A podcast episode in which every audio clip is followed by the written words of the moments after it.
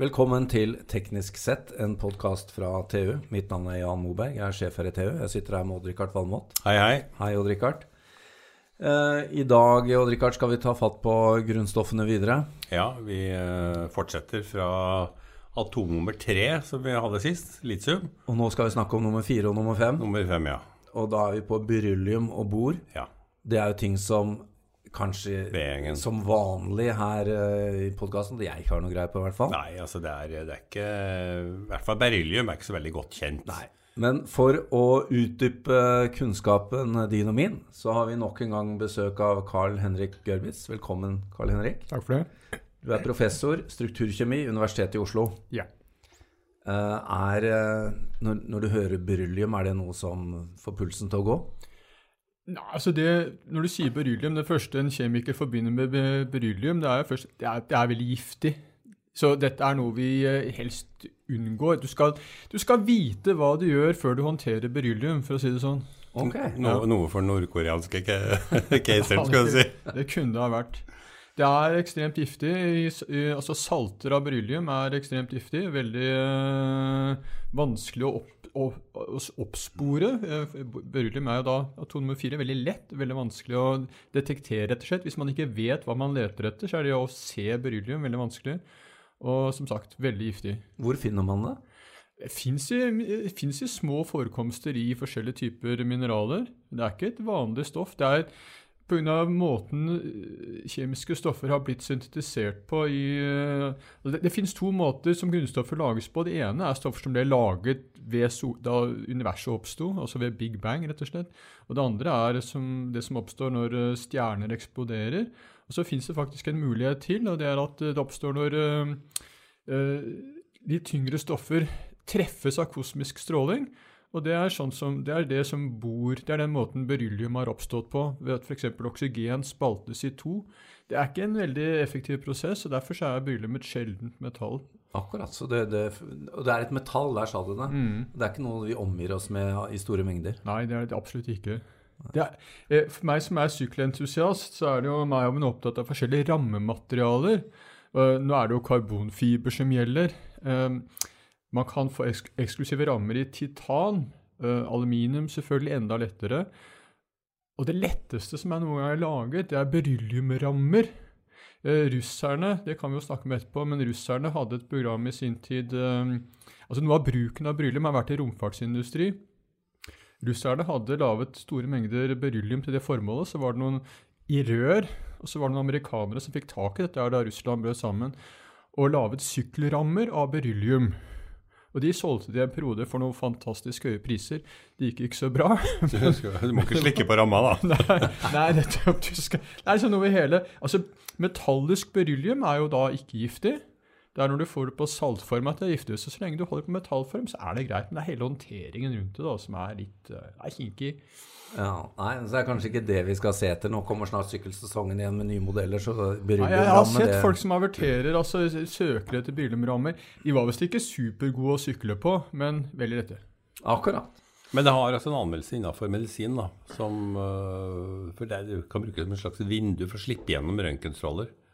For det, det slipper stråler gjennom. Ja, vi, altså det, det brukes jo Alle disse lette metallene Nå kommer vi jo til bord etterpå, men altså berylliumvinduer brukes for nettopp av den grunn at eh, du ønsker å ha vanlig glass, f.eks. Vil å stoppe effektivt røntgenstråling av visse bølgelengder. Ikke alle, men noen. Og da er det å bruke beryllium som sånne vinduer, det brukes i stor utstrekning. Og fordi det er lett, så brukes det som sagt i romfartsindustri også. Men eh, det har også vært snakk om noe i eh, kjernefysiske våpen, anvendelse. Ja. Ja, det brukes som øh, nøytronreflektor. Eh, det, er vel, altså det, er ikke, det er i hvert fall ikke mye brukt her, i- her i Norge. Men for, å, for å holde den, holde den kritiske ladninga inne, så du får reflektert nøytronene tilbake igjen. Så det er et, eh, et grunnstoff som faktisk blir brukt rundt om på mange forskjellige områder. Ja. De bruker jo omtrent alt av grunnstoffer på en eller annen måte. meste har sin anvendelse på et eller annet eh, vis, men eh, dette er av de mer spesielle. Ja. Den er god. Vi, det var mye nyttig læring her. rett og slett. Men for å fortsette på B, da, så kan vi flytte oss videre til atom nummer fem, og bor. Det er kanskje litt mer eh, da, rundt? Da er vi på et halvmetall, eh, Karl Henrik. Mm.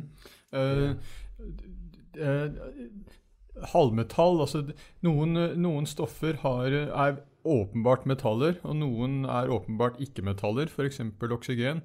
Eh, bor er et sånt stoff som kan ha flere allotroper eller modifikasjoner. Og det har både en som ligner nesten på et metall, og så har den et sånt, kan det være et sånt uh, mørkt pulver som er helt klart ikke-metall. Så det fins faktisk i flere I flere former, ja. Mm. Uh, nå snakket vi ikke så mye om det når det gjaldt beryllium, men bor atom nummer fem. Mm. Eh, og bare så vi har snakket om det, hvorfor har det nummeret fem? Altså det er fem, eh, fem protoner i kjernen, eh, fem elektroner som svirrer rundt. Eh, For oss som, når vi skal gjøre eksamensoppgaver i kjemi, så er det sånn grunnkurs i kjemi, så forteller om elektronkonfigurasjon, hvordan elektroner arrangerer seg, så er det, så er noe, så når vi skal lage noe som er litt vanskelig nå, så tar vi gjerne noe med, gjerne noe med bor. For det bor er et sånt, det får liksom ikke til alt det, den har litt for lite elektroner i utgangspunktet å få til alt det karbon gjør, så det, det har en del sånne rekke sånne ganske sære kjemiske forbindelser, annet til hydrogen, hvor et hydrogen kan binde til to bor samtidig. Det, det finnes ingen andre enn bor som gjør det. Karbon, eh, hydrogen som binder seg til bare ett karbon, ett nitrogen, ett oksygen, ett hva som helst, men til to bor. Det er sånn veldig sære ting som vi syns det er gøy å stille spørsmål om. Da. Hva heter det? Bor, Ja, det er forskjellige bor, borhydrider. borhydrider. Sånn, og det er en ganske stor familie av stoffer som, som som danner forskjellige ringstrukturer og mye rart. Men eh, litt tilbake til eh, to ting. Altså, hvor, hvor finner vi bor i naturen? Det er et mineral som heter boraks, da, som, er, som, eh, som, er, hvor det er, eh, som man bruker til å utvinne bor eh, for, for alle mulige formål. Og det er å anse som en eh, begrenset naturressurs? Jeg er ikke helt sikker på hvor mye Jo, det er, altså.